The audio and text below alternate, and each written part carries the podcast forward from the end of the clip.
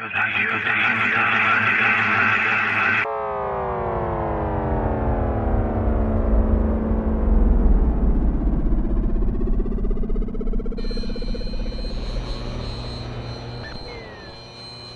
Serdecznie Was zapraszam do podcastowej audycji 3600 sekund, bo chcę wiedzieć. Jest to audycja z różnych dziedzin, m.in. takich jak starożytna archeologia, psychologia, medycyna, oficjalna jak i alternatywna. Jest to audycja mająca na celu uświadomić Tobie, drogi słuchaczu, że jest więcej niż mniej Przedstawia mniej zagadnienia z psychologii otoczenia człowieka, obserwacji otoczenia, biologii oraz mikrobiologii, jak i z każdej dziedziny w sposób migawkowy. To do Ciebie, drogi słuchaczu, należy, abyś przysiadł na ławeczce lub usiadł bujającym się fotelu z kubkiem ciepłej, pysznej kawy i zadając pytania próbował sobie na nie odpowiedzieć na sobie własny sposób. I do tego bardzo serdecznie Cię zapraszam w tej audycji audycji 3600 sekund, bo chcę wiedzieć. Serdecznie Was pozdrawiam i zapraszam do audycji.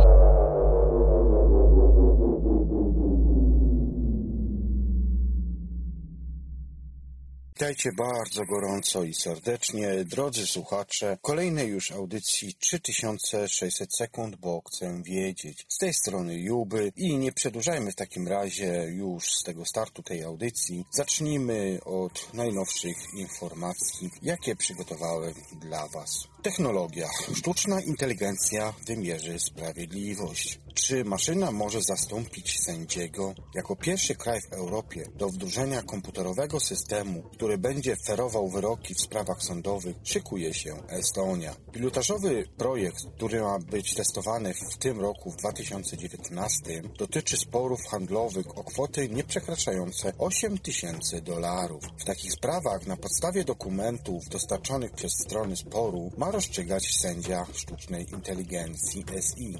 Przygotowanie takiego programu zleciło estońskie Ministerstwo Sprawiedliwości. Za projekt odpowiada 28-letni absolwent szwedzkiego Umea University od Welsberg, który od 9 miesięcy piastuje w Estonii stanowisko rządowego Chief Data Officer. Zadaniem Welsberga jest wdrożenie sztucznej inteligencji do wszelkiego typu usług, jakie państwo świadczy swoim 1,3 milionowym obywatelom kraju. Już w tym chwili dotyczy to 13 różnych dziedzin. W Estonii na przykład to sztuczna inteligencja sprawdza, czy ci rolnicy, którzy wystąpili o rządowe dotacje, co lato zbierają na przykład siano ze swoich pól. Robi to analizując piksel po pikselu zdjęcia, które są dostarczane przez satelity Europejskiej Agencji Kosmicznej. Rząd dofinansowywuje obsiewanie pól, by nie zarosły lasem. Dotychczas jednak to urzędnicy sprawdzali, czy rolnicy wywiązują się z obowiązku. Teraz zastąpiła ich sztuczna inteligencja, która na dwa tygodnie przed upłynięciem terminu wysyła maile z przypomnieniem o konieczności zajęcia się polem i dołączonym zdjęciem satelitarnym. Inne przykłady? Proszę bardzo. Estonii sztuczna inteligencja szuka dla bezrobotnych pracy, łącząc ich umiejętności z zapotrzebowaniem pracodawców, a także zapisuje dzieci do szkoły zaraz po urodzeniu, bowiem dane ze szpitala udostępniane są szkołom. Wszystkie te usługi są możliwe, ponieważ Estończycy masowo korzystają z zaawansowanych, z online'owych systemów umożliwiających nie tylko przykład rozliczenie się przez sieć podatków, ale też przez głosowanie. Pomysł estoński na połączenie sztucznej inteligencji i sprawiedliwości nie jest nowy. Już w tej chwili w niektórych stanach USA komputer wspomaga sędziów w rozstrzyganiu niektórych spraw. Z kolei w Tallinie ma siedzibę firma Esti Oigus Bureau, której chatbot oferuje bezpłatne doradztwo oraz przygotowywuje proste dokumenty prawnicze. Prezes firmy Artur Fiodorow oświadczył ostatnio, że do końca tego roku usługi sztucznej inteligencji o nazwie Hugo, która będzie łączyć klientów z prawnikami, zostaną udostępnione również w Nowym Jorku oraz w Warszawie. Czy Estonczycy nie obawiają się, że istotne informacje o nich udostępnione przez rząd sztucznej inteligencji mogą nie być bezpieczne? Naprawdę wrażliwe dane o nas nie znajdują się dziś w rękach państwa. Ale banków i telekomów. Tak odpowiada profesor Tanel Tammet z Uniwersytetu Technologicznego w Tallinie. Tammet należy do rządowego zespołu do spraw SI, który do końca 2020 roku ma przygotować kolejne 35 projektów za przysięgnięcia sztucznej inteligencji na usługi Estończyków.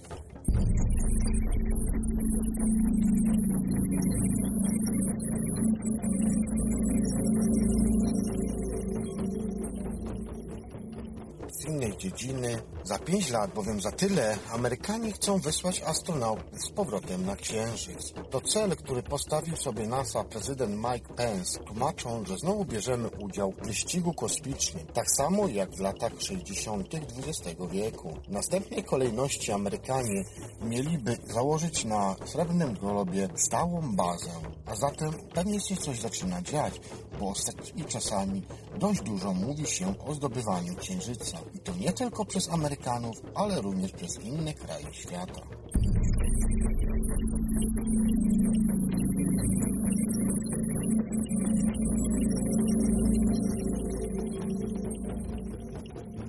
Przyroda. Żaby świecą szukając partnera. Cały szkielet żaby świeci w promieniach UV, ale widoczne są tylko kości znajdujące się tuż pod skórą. Próbuję wymienić pełną nazwę tej żaby, gdyż nazwa ta jest niestety trudna, ale postaram się. Brachycephalus ephipium są to małe żabki, które żyją w południowo-wschodniej części Brazylii. W czasie okresu godowego można je zobaczyć, jak wędrują po lesie i wydają dźwięki przypominające Problem polega jednak na tym, że nie słyszą się nawzajem, a więc zatem w jaki sposób się między sobą komunikują? Szukając odpowiedzi na to pytanie, Międzynarodowy Zespół Naukowców odkrył coś zaskakującego. Otóż przypadkowo okazało się, że te żabki świecą w ultrafiolecie. Dzieje się tak dzięki znajdującej się tuż pod cienką skórą żaby płytkom kostnym. Człowiek może zobaczyć ten efekt jedynie wówczas, gdy żabka zostanie oświetlona lampką UV. Jednak wiele zwierząt potrafi widzieć światło ultrafioletowe i dlatego zapewne płazy zachowały tę umiejętność do komunikowania się z potencjalnymi partnerami, a być może również do odstraszania drapieżników.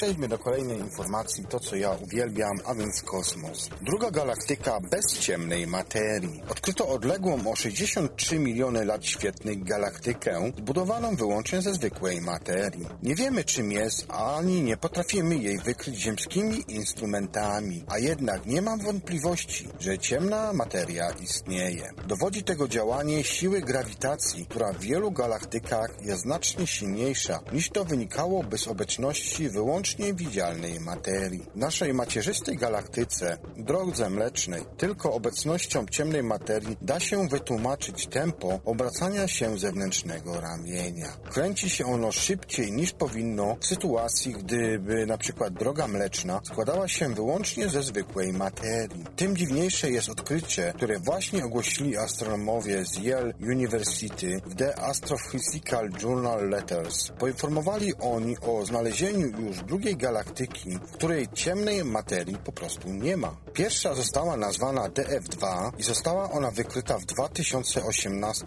roku w gwiazdozbiorze Wieloryba. Druga DF4 leży w tej samej konstelacji. Astronomowie zmierzyli prędkość obracania się obu galaktyk i stwierdzili, że do jej wyjaśnienia wystarczy grawitacja wywołana obecnością zwykłej materii. Odkrycie jest zaskakujące, bowiem według obecnych teorii nie da się się wyjaśnić ukształtowania się jakiejkolwiek galaktyki bez uwzględnienia ciemnej materii. A zatem, co się z nią stało w DV2 i DV4 i jak one powstały? Nie mamy dobrych pomysłów, jak odpowiedzieć na to pytanie. Relacjonuje Peter Van Dokum z Yale i dodaje, że ma nadzieję, iż doniesienia o kolejnych galaktykach tej ciemnej materii rzucą nowe światło na tę jedną z największych współczesnych zagadek naukowych.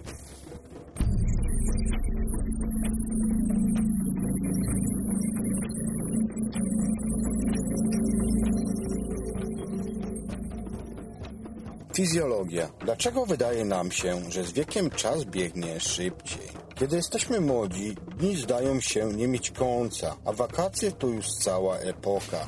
Z wiekiem percepcja czasu zmienia się. Wydaje nam się, że czas nam ucieka, a w naszej pamięci pozostaje znacznie mniej w dzieciństwie i młodości. Czy to tylko wrażenie? Nie, odpowiadają naukowcy z Duke University. Według nich zmiana percepcji czasu związana jest m.in. z tzw. Tak ruchami sakadowymi gałek ocznych. To mimowolne ruchy oka, które przeskakuje pomiędzy różnymi elementami tego, na co patrzymy. Nie zdajemy sobie z nich sprawy, podobnie jak z tego, że między jednym ruchem sakadowym a drugim oko zatrzymuje się, rejestruje dany obraz i przesyła go do naszego mózgu. W dzieciństwie i w młodości nasze oczy zatrzymują się na krócej, a zatem w jednostce czasu, na przykład przez minutę, minutę rejestrują więcej obrazu. Mózg otrzymuje więcej informacji do przetworzenia. Przetwarza też je szybciej, ponieważ ścieżki neuronalne nie są jeszcze tak rozbudowane i złożone jak w mózgu osoby dorosłej. W rezultacie mamy wrażenie, że dużo się dzieje, a czas płynie wolniej. I odwrotnie, gdy przybędzie nam lat, mózg dostaje mniej obrazów do przetworzenia, ma mniej zajęcia, co sprawia, że wydaje nam się, iż czas przyspieszy.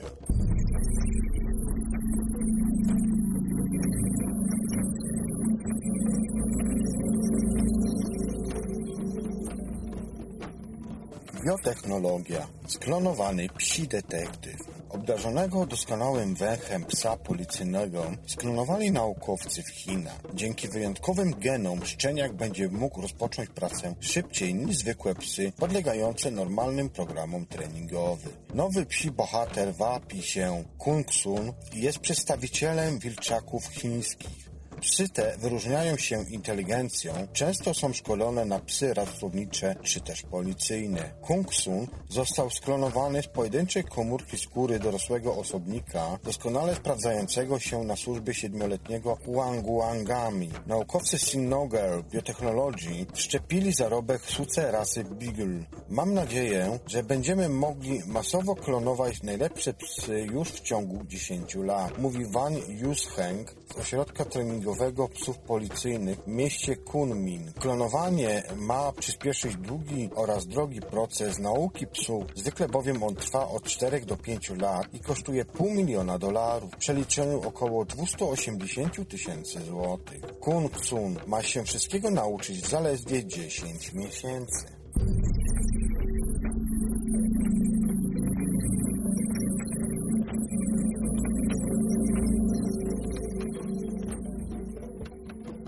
Ekologia. Energia ze słonej wody. Naukowcy przetestowali swój pomysł, wytwarzając wodór prost z wody zatok San Francisco. Nowy rodzaj elektrod, dzięki którym można uzyskać wodór nieoczyszczonej morskiej wody, opracowali naukowcy z Uniwersytetu Stanforda i Uniwersytetu Technologii Chemicznych w Pekinie. Wodór ten można wykorzystywać do zasilania ogniw paliwowych oraz produkcji energii elektrycznej. Proces jest całkowicie ekologiczny, potrzebna do uruchomienia produkcji wodoru energia pochodzi z paneli słonecznych. Jak twierdzi Dong Jie Dai, jeden z inżynierów, takie urządzenia mogą trafić do okrętów podwodnych lub do sprzętu nurkowego.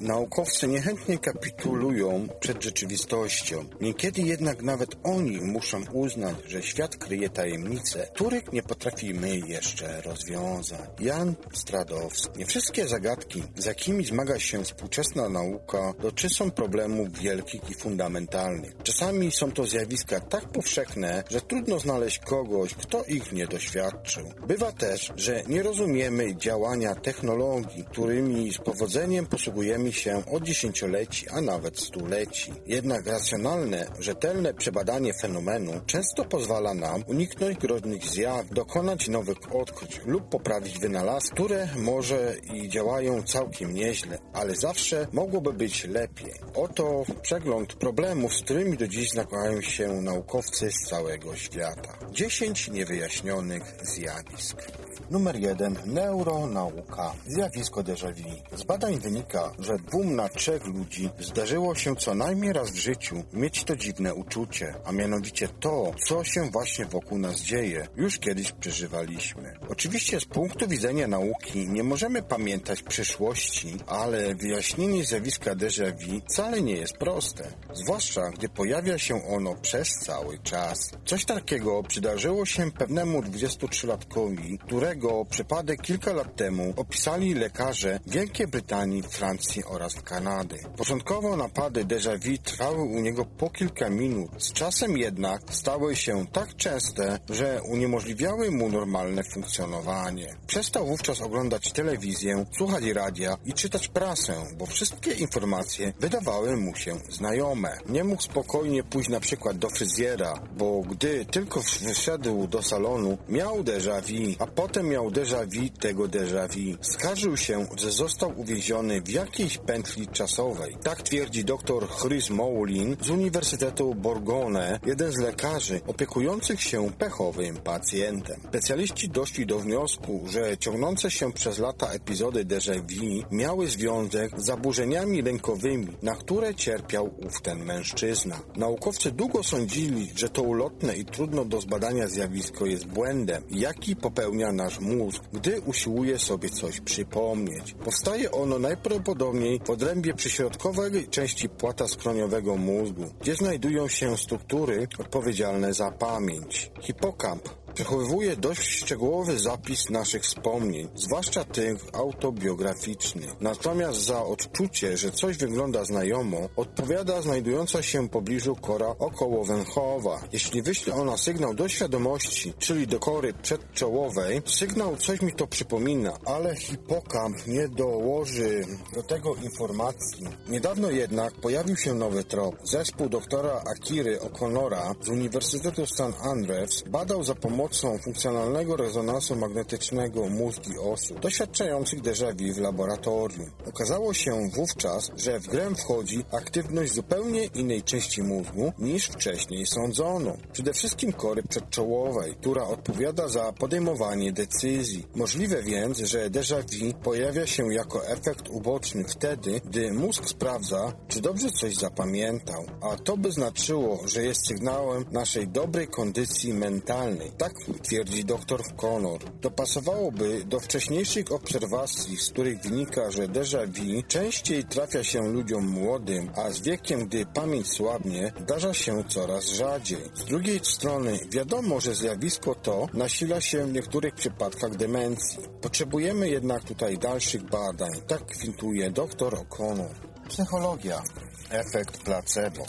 Czy nic może leczyć? Na tym polegać ma słynny efekt placebo. Na pacjenta działa sam akt połknięcia pigułki, niezależnie od tego, co się w niej znajduje. Badania dowiozły, że w efekcie dochodzi do zmian w pracy mózgu, a to może przekładać się także na funkcjonowanie innych narządów. W efekcie pigułka, zawierająca substancję obojętną, np. cukier, przynosi ulgę przy dolegliwościach takich jak ból, depresja, lęki, zespół jelita drażliwego, nudności i Jednak spór o skuteczności placebo trwa do dziś. Część uczonych uważa, że pozorowana terapia mobilizuje organizm do walki z chorobą i uruchamia naturalne mechanizmy obronne. Operacje placebo dostarczają oczywistych, intrygujących dowodów na istnienie efektu placebo. Dogłębnie zbadano jego skuteczność jako środka przeciwbólowego, przeciwwymiotnego i uspokajającego. Tak twierdzi dr Henry Newman w książce Cień Hipokratesa, podając przykłady schorzeń takich jak choroba wieńcowa, zwyrodnienie stawu kolanowego czy choroba Parkinsona. Z drugiej strony mamy szczegółowe analizy opublikowane przez dwóch duńskich lekarzy, a Bjorna Hrubjarstona i Petera Gottsche, którzy doszli do wniosku, że placebo nie ma żadnego znaczenia z medycznego punktu widzenia. Na dodatek każdy z nas może inaczej zareagować na placebo. Przeprowadzono wiele eksperymentów mających wykazać, które cechy osobliwości mają na to wpływ. Okazało się, że podatność na leczenie niczym nie zależy od neurotyzmu, autorytarności, religijności, samooceny czy poziomu optymizmu. Nie wiadomo, czy jakkolwiek wpływ na to zjawisko ma podatność na sugestie. Naukowcy doszli też do wniosku, wniosku, że to, co nazywamy efektem placebo, tak naprawdę składa się z różnych, różnych mechanizmów. Niektóre z nich są tak skomplikowane, że wciąż czekają na wyjaśnienie. Mechanika Jazda na rowerze. Wynalazek ten ma już 200 lat, a posługiwanie się nim może opanować kilkuletnie dziecko. Tym bardziej zaskakujący jest fakt, że uczeni wciąż nie wiedzą, dlaczego rower jeździ, a dokładniej, dlaczego robi to tak stabilnie, że nie wywraca się nawet wtedy, gdy jedzie bez rowerzysty. Przez długi czas myślano, że odpowiada za to tzw. Tak efekt żyroskopowy, polegający na tym, że wirujące bryły, czyli koła roweru, utrzymują swoją orientację w przestrzeni. Eksperymenty wykazały jednak, że efekt ten, choć w rowerze występuje, jest zbyt słaby, by stabilizować pojazd. Potem uczeni też doszli do wniosku, że kluczowa jest tutaj konstrukcja układu kierowniczego. Przedłużenie osi skrętu kierownicy przecina podłoże kilka metrów przed punktem styku koła z drogą. Gdy rower i rowerzysta zaczynają się przychylać w jedną stronę, koło automatycznie skręca w tę samą stronę. Rower zaczyna zataczać łuk, a a wtedy pojawia się siła odśrodkowa, która rower prostuje, ale i ten efekt okazał się niewystarczający do wyjaśnienia rowerowego fenomenu.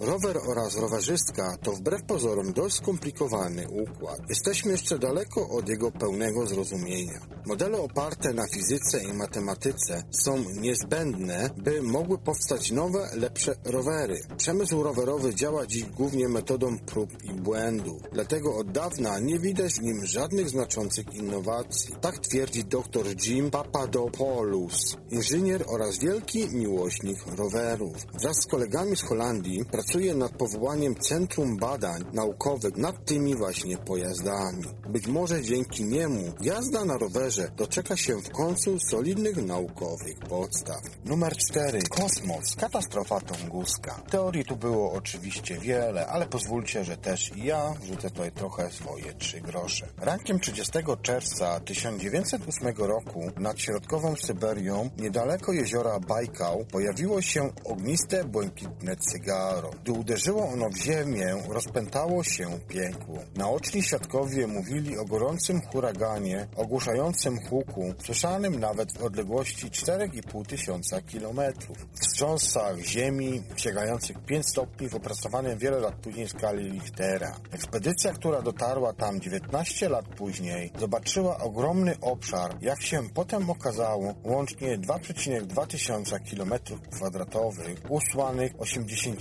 milionami powalonych drzew. W jego centrum była tylko wypalona ziemia, ani śladu krateru. Początkowo uczeni uznali, że katastrofę toguską wywołało uderzenie asteroidy, ale gdzie się podziały te wszystkie szczątki? Potem jednak doszli do wniosku, że kosmiczny obiekt wybuchł kilka kilometrów nad powierzchnią Ziemi, a fala uderzeniowa zmiotła wszystko w promieniu 26 km.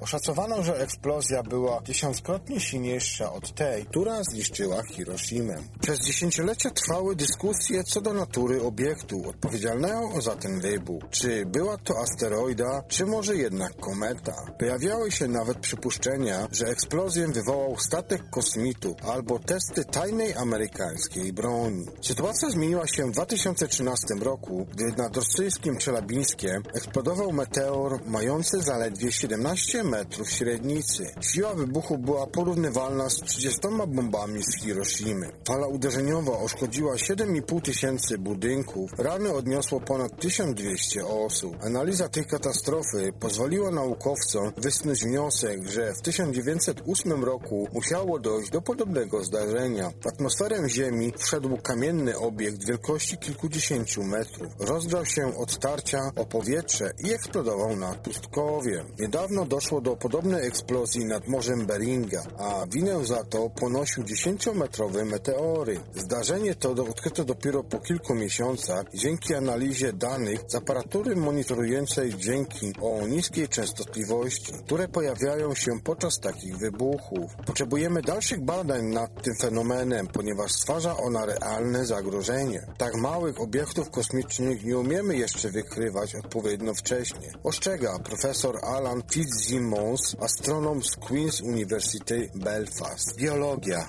Nieśmiertelna meduza. Prawa fizyki są nieubłagalne. Entropia musi rosnąć, więc jeśli czegoś intensywnie używamy, to się szybko zużyje. Organizmy żywe nie są wyjątkiem. Z biegiem dni, godzin czy też lat w ich komórkach pojawiają się błędy, tkanki i układy zaczynają funkcjonować wadliwie, aż nadchodzi nieuchronna śmierć. Istnieje jednak kilka gatunków zwierząt, którym udaje się cofnąć biologiczny zegar i odmłodnieć. Zaliczone są do tzw. Tak parzydełkowców, a najbardziej znana z nich jest niewielka meduza Turritopsis dochrni, dawniej zwana Turritopsis nutricula. Niezwykle właściwości tego morskiego stworzenia odkrył w 1988 roku student biologii Christian Sommer. Te meduzy zaczynają życie jako swobodnie pływająca larwa, która po jakimś czasie osiada na dnie, tworząc polipa. Polip rozrasta się i dzieli, wskutek czego powstają pływające meduzy.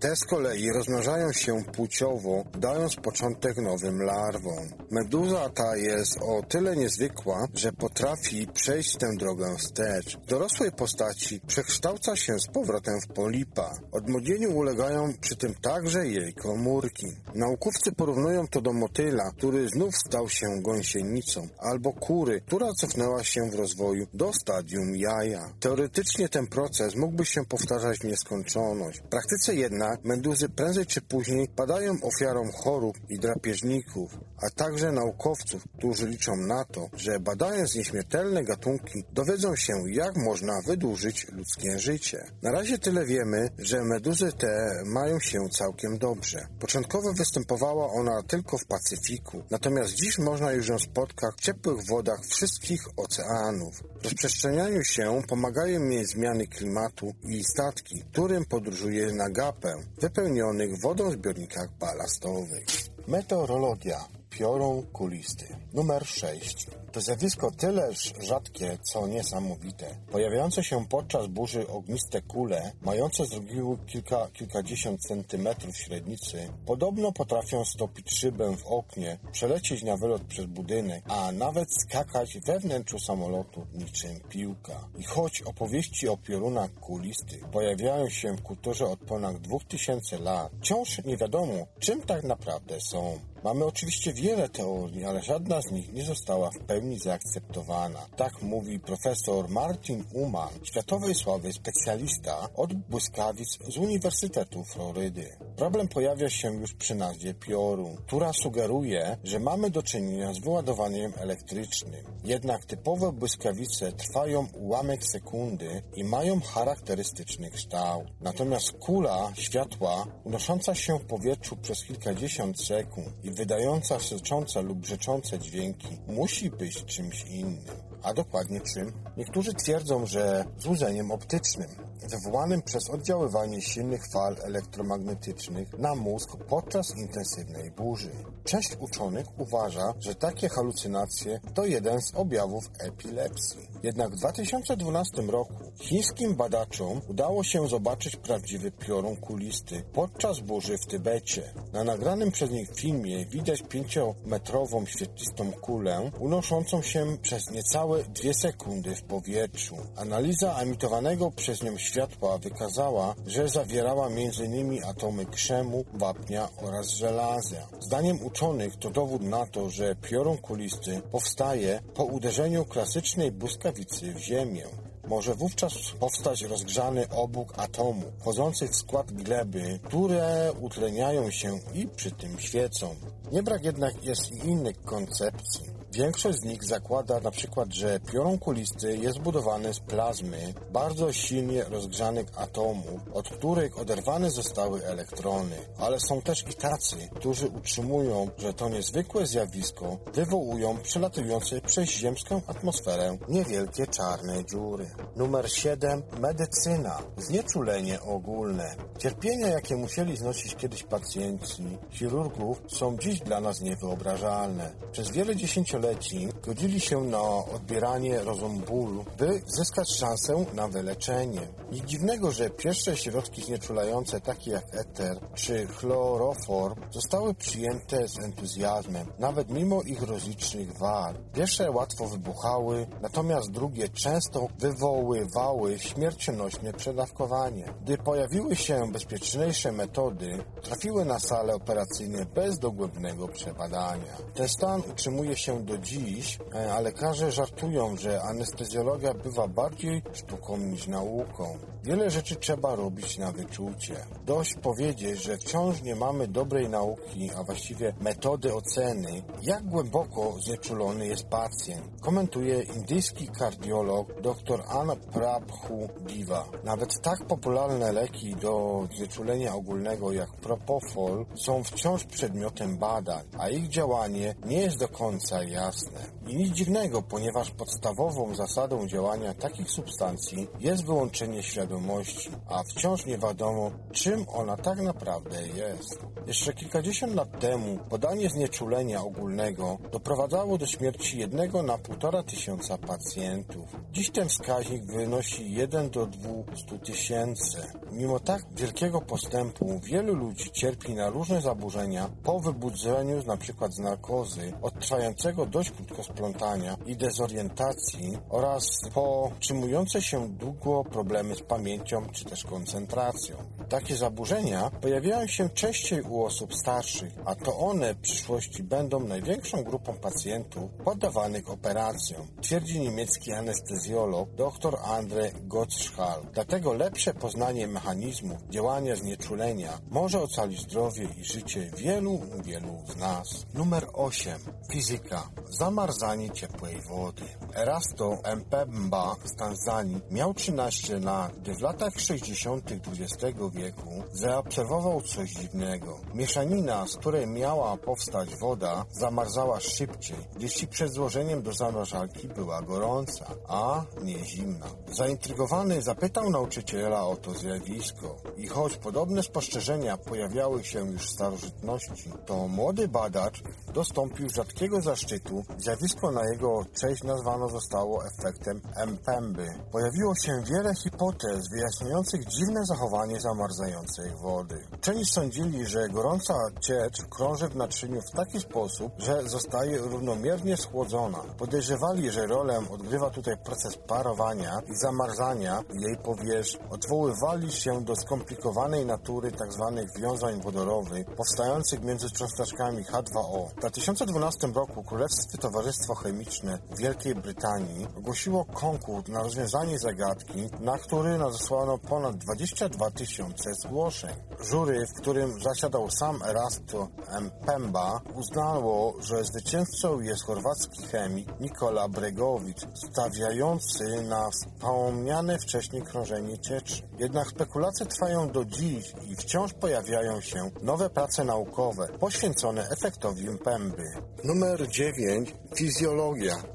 Odruch ziewania kojarzy nam się z nudą i sennością, ale to tylko złudzenie. Ziewają także sportowcy przed udziałem w zawodach i dzieci w łonie matki. W świecie zwierząt ziewanie bywa związane z agresją, ale ma też wymiar towarzyski, ponieważ tak jak zresztą u ludzi była zaraźliwe. Skąd wziął się więc ten odruch? Początkowo uczeni sądzili, że szerokie otwieranie ust podczas ziewania ma na celu dostarczenie większej porcji tlenu do płuc lub wtłoczenie większej ilości krwi do mózgu. Badania szybko jednak wykazały, że do tego nie dochodziło. Osoby niedotlenione mogą czuć zmęczenie lub senne, ale wcale nie ziewają częściej. Pojawiła się więc hipoteza, że ziewnięcia pojawiają się wtedy, gdy przygotowujemy się do zmiany aktywności. Na przykład przechodzimy ze stanu gotowości w stan relaksu lub odwrotnie. Co ciekawe, ziewanie ma też wyraźny kontekst społeczny. Mężczyźni ziewają częściej niż kobiety a osoby empatyczne częściej niż te, które nie umieją wczuć się w czyjąś sytuację. Jakie są zatem stąd wnioski? Katrin Passing i Alex Scholz, autorzy książki Leksykon Niewiedzy, ujęli to w ten sposób. Ziewanie wygląda na broń wszechstronną, wymyśloną przez ewolucję, by dla dalszego naszego, już i tak przedziwnego istnienia dodać jeszcze jeden osobliwy składnik. I ostatni numer 10, medycyna. Śmierć kliniczna. W czasopiśmie British Journal of Psychiatry kazał się niegdyś przegląd wizji życia wiecznego, których doświadczyły osoby wywodzące się z różnych kultur, znajdujących się na skraju śmierci. Ten stan związany jest ustaniem dopływu krwi do mózgu, zwany jest też również śmiercią kliniczną lub Near Death Experience NDE. Północnoamerykańscy Indianie mówili o wężach, mokasynach, łukach i szczałach. Chrześcijanie widzieli Jezusa, mieszkańcy Indii zaś Jamę, czyli hinduskiego boga śmierci. Czy naprawdę osoby doświadczające NDE przenoszą się do innej rzeczywistości? Zwolennicy istnienia życia po życiu argumentują tak. W stanie śmierci klinicznej mózg nie działa, nie mogą więc z nim zachodzić myślenie, tworzenie wspomnień itd., tak itd. Tak Tymczasem pacjenci twierdzą, że podczas NDE myśleli jaśniej niż kiedykolwiek, widzieli swoje życie, spotkali zmarłych oraz krewnych. Nie ma czegoś takiego jak śmierć kliniczna. Mózg pozbawiony dopływu krwi nie umiera od razu, a na dodatek działa na tyle długo, by mógł zajść w nim procesy prowadzące do NDE. Zaprzecza temu twierdzeniu profesor Kevin Nilsson, neurolog z Uniwersytetu Kentucky w Lexington. Utrata przytomności następuje w ciągu kilkunastu sekund od odcięcia dopływu krwi do mózgu. Niektóre części mózgu są bardzo odporne na niedotlenienie i wyłączają się później niż te związane ze świadomością, dodaje profesor Nelson. Jednym z takich obszarów jest pień mózgu zawierający m.in. neurony, dzięki którym przechodzimy w fazę zwaną fazą REM. Zdaniem profesora Nelsona większość Większość doznań podczas NDE bierze się właśnie z aktywowania tego modelu. Człowiek znajduje się wówczas w stanie między snem a jawą. Jest świadomy, a zarazem nie może tylko poruszyć się, zapamiętuje wyraźnie rzeczy, które są tylko sennymi halucynacjami. Czuje, że opuszcza swe ciało. Takie wytłumaczenie nie trafia jednak do osób przekonanych, że obok nas istnieje inny mistyczny wymiar. Tym bardziej, że trafiają się wciąż przypadki, które trudno wyjaśnić. Na przykład pewien 57-lat Bartek z Southampton przeżył zatrzymanie krążenia na sali operacyjnej. Mimo to zapamiętał szczegóły dotyczące co najmniej trzech minut pracy zespołu ratującego jego życie. Powstaje zatem pytanie, w jaki sposób? Do dziś oczywiście nie wiadomo.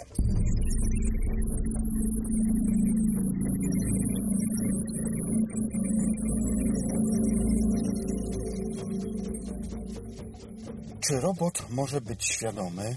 Maszyny potrafią tworzyć dzieła sztuki, wydawać wyroki sądowe i bawią nas rozmową. Trudno jednak odpowiedzieć na pytanie, czy cokolwiek z tego robią świadomie.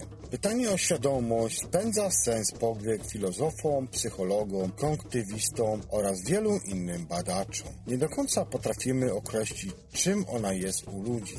Czy jest więc sens zastanawiania się nad tym przypadku robotów? Wbrew pozorom, wydaje mi się, że tak. Między innymi takimi kwestiami zajmują się właśnie na co dzień różni oczywiście filozofowie, kogntywiści, kulturoznawcy, specjaliści od interakcji człowiek-komputer. Tutaj oczywiście przytoczę Wam wypowiedź pana Leona Ciechowskiego, który pracuje na Uniwersytecie SWPS oraz w Akademii Leona Koźmińskiego oraz współpracuje z Massachusetts Institute of Technology oraz Fundacją Mózg. Jak twierdzi ten pan, do jego laboratorium przychodzą osoby biorące udział w badaniach nad świadomością. Jeden na przykład z eksperymentów polega na wyświetlaniu różnych obrazów na ekranie. Badani mają powiedzieć, kiedy je dostrzegają.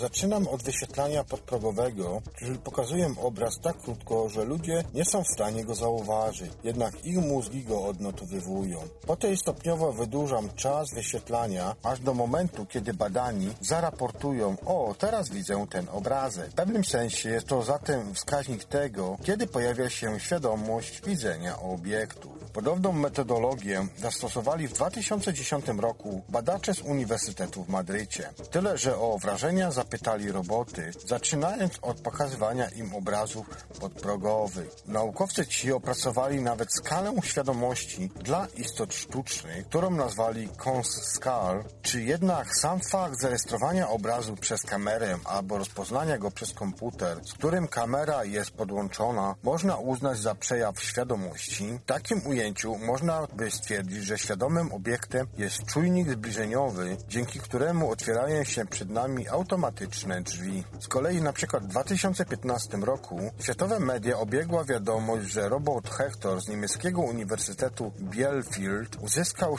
samoświadomość. Maszyna ta, zbudowana na wzór patyczaka, potrafiła zastanawiać się nad kolejnymi kierunkami swoich wędrówek, wyobrażając sobie siebie samą, na przykład po wejściu na przeszkodę. Czy jest to już samoświadomość? Raczej pewnego rodzaju jest to refleksja nad otoczeniem, którą mają przecież także biologiczne patyczaki. Do świadomości w ludzkim rozumieniu jest tu jeszcze daleko. W bajkach robotów Stanisława Lema jeden z bohaterów oświadcza Jestem robot młody, nie boję się wody. Bardzo wątpię, by w najbliższym czasie taka maszyna mogła powstać i autentycznie bać się lub też nie bać się czegokolwiek. Owszem, możemy zaprogramować robota, by zbliżając się na przykład do kałuży wygłaszał ten rymowany cytat, tak jak możemy na przykład wyszkolić psa w celu przeniesienia gazety. Nie oznacza jednak to, że ów robot byłby świadomy. Podobnie jak pies nie ma świadomości tego, co znajduje się w jego pysku, bo nie umie zrozumieć i przetworzyć treści znajdujących się w nim w gazecie. Innymi słowy, nawet jeśli coś zachowuje się jak człowiek, to wcale nie musi oznaczać, że to coś jest takie jak my. Oczywiście w przyszłości może się to zmienić. Złożonowość systemów komputerowych rośnie i to może do końca doprowadzić do pojawienia się jakiegoś rodzaju świadomości. Obyśmy wówczas nie musieli przypominać sobie na przykład słów wizjonera Elona Muska, który mówił, i tutaj zacytuję wam, mam nadzieję, że sztuczna inteligencja będzie dla nas miła.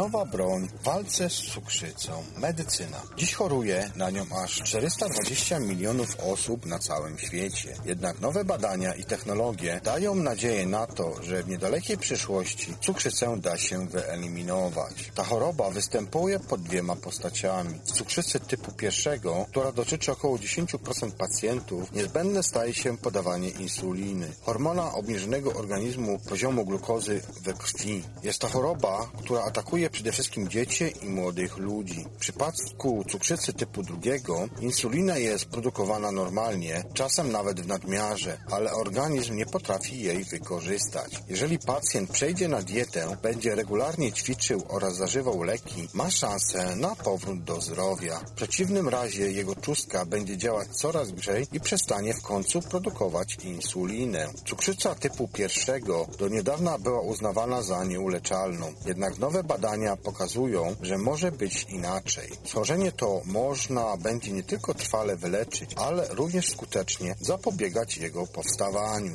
Cukrzyca pierwszego typu to choroba o podłożu autoimmunologicznym. Układ odpornościowy zaczyna niszczyć komórki beta wysp czustkowych, co prowadzi do upośledzenia funkcji wydzielniczych czustki, a nawet całkowitego zahamowania wydzielania insuliny. Jak się jednak okazuje, proces ten można zatrzymać. Wystarczy tylko oduczyć układ odpornościowy atakowania komórek czustki. Można to zrobić podając dzieciom doustnie małe dawki insuliny przez pierwsze 3 lata życia. Ta insulina nie wpływa na poziom glukozy we krwi, ale zapewne odpowiada treningu układowi odpornościowemu. Tak wyjaśnia i twierdzi dr Joanna Bagniewska z Wydziału Pediatrii Uniwersytetu Oksfordzkiego. Ta terapia jest obecnie testowana w ramach międzynarodowego projektu badawczego POI. Każdy rodzic może zgłosić do niego swe dziecko za pośrednictwem strony internetowej. Tutaj podam Wam tą stronę, to jest www.światbezjedynki.pl. U noworodków wykorzystuje się takie badanie pod kątem genów zwiększających ryzyko występowania cukrzycy typu pierwszego. Jeśli takie geny zostaną wykryte, dziecko może wziąć udział w takich właśnie badaniach. Jest też szansa na to, że już niedługo osoby chore na cukrzycę będą miały do dyspozycji insulinę doustną, która zastąpi im uciążliwe zaszczyki. Naukowcy Massachusetts Massachusetts Institute of Technology opracowali kapsułkę, która zawiera maleńką igłę ze skondensowanej insuliny. Po upnięciu trafia ona do, do żołądka, a gdy zbliży się do jego ściany, igła wbija się w nią. W ten sposób hormon dostosowuje się do krwi i nie zostaje strawiony przez soki żołądkowe. Reszta kapsułki rozpuszcza się w jelitach. Ta metoda sprawdza się nie tylko w przypadku insuliny, ale też innych substancji białkowych. W przypadku naszej tutaj pigułki, o której mówi właśnie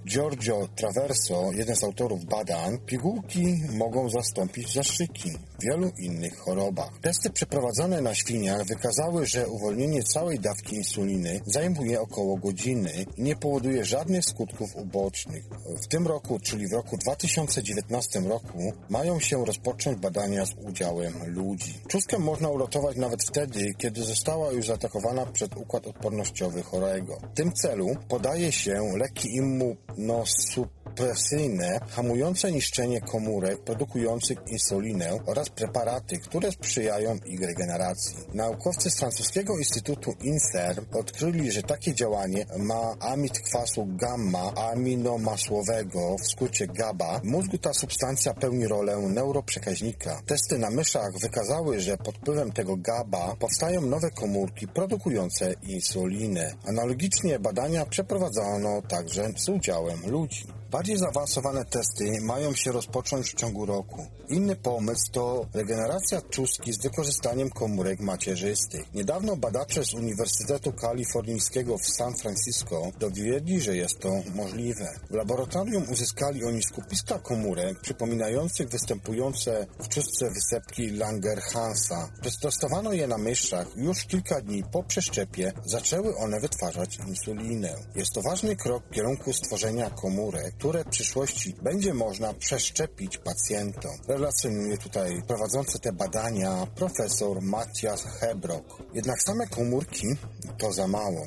Owszem, można je wszczepić pacjentowi, ale najczęściej nie wystarcza to do wyleczenia cukrzycy typu pierwszego. Chory wciąż musi przyjmować insulinę, choć w mniejszych dawkach. Pobieramy wyspy czosnkowe, wkładamy je do biotuszu, ten zaś wkładamy do biodrukarki 3D i drukujemy wtedy narząd, a więc bioniczną czustkę wraz z układem naczyniowym, który następnie dojrzewa w bioreaktorze naszej produkcji. Docelowo wyspy czosnkowe zostaną zastąpione komórkami macierzystymi pobranymi od chorego, przetransformowanymi do komórek produkujących insulinę i glukagon. Odpowiada doktor habilitowany medycyny Michał Wszoł z Fundacji Badań i Rozwoju Nauki, przewodniczący Rady Konsorcjum Bioni. Taki narząd po przeszczepieniu może całkowicie zastąpić zniszczoną przez chorobę część czustki i odpowiedzialną za produkcję insuliny. Na razie drukowana czustka jest w fazie badań przedklinicznych, ale są już pierwsze sukcesy. Uczonym udało wydrukować się cały cały prototypowy bioniczny narząd z własnymi naczyniami krwionośnymi. Tego nie dokonał żaden zespół na świecie. Teraz rozpoczynają się testy na myszach, a następnie u świń. Jeśli wszystko pójdzie doskonale, o pierwszych pacjentach możemy myśleć za 3-4 lata. Jest to sporo czasu, ale ważne, żeby zrobić to dokładnie, ponieważ to nie jest wyścig, podkreśla dr Wszoła. Drukowana czustka ma być tak zmodyfikowana, by układ odpornościowy pacjenta nie atakował jej, to zapewni trwałe wyleczenie z choroby. Naukowcy z amerykańskiej firmy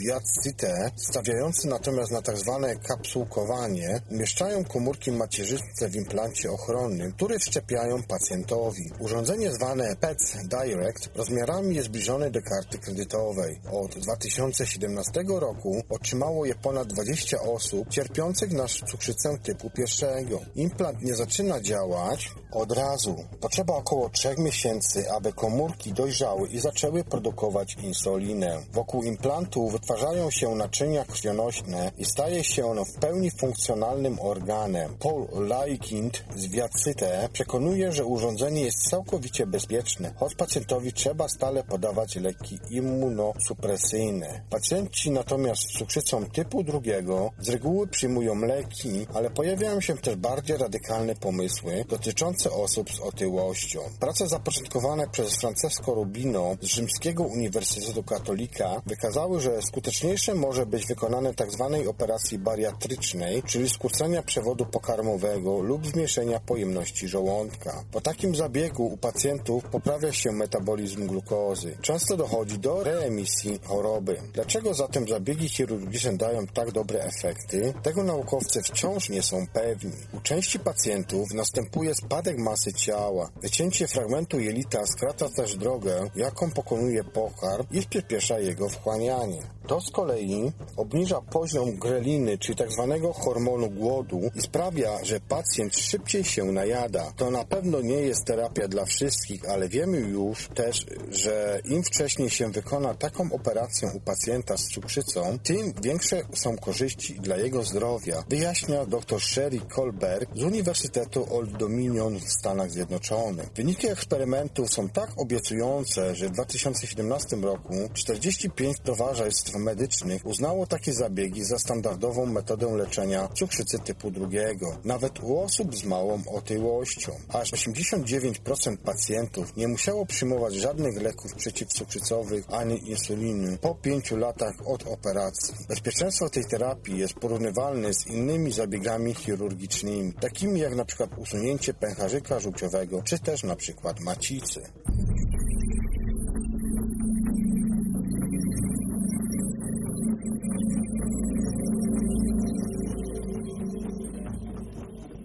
I ostatnia informacja na dziś. Diagnostyka.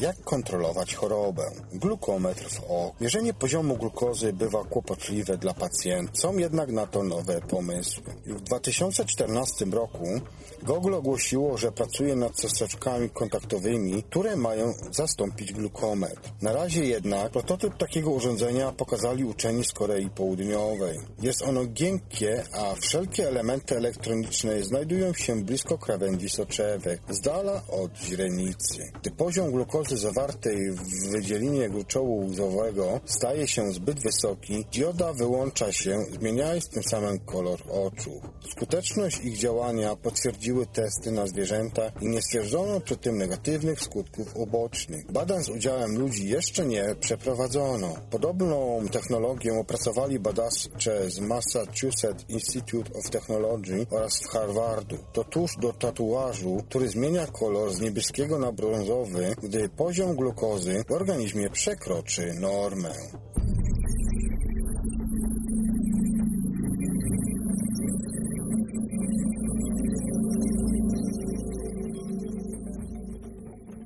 I na dziś to już wszystko, co przygotowałem dla Was. Serdecznie Wam dziękuję za wysłuchanie kolejnej już audycji 3600 sekund, bo chcę wiedzieć. Po kolejną dawkę informacji zapraszam Was już w przyszłości, a tymczasem pozostaje mi się z Wami pożegnać i do następnego razu. Trzymajcie się i bądźcie zdrowi. Cześć!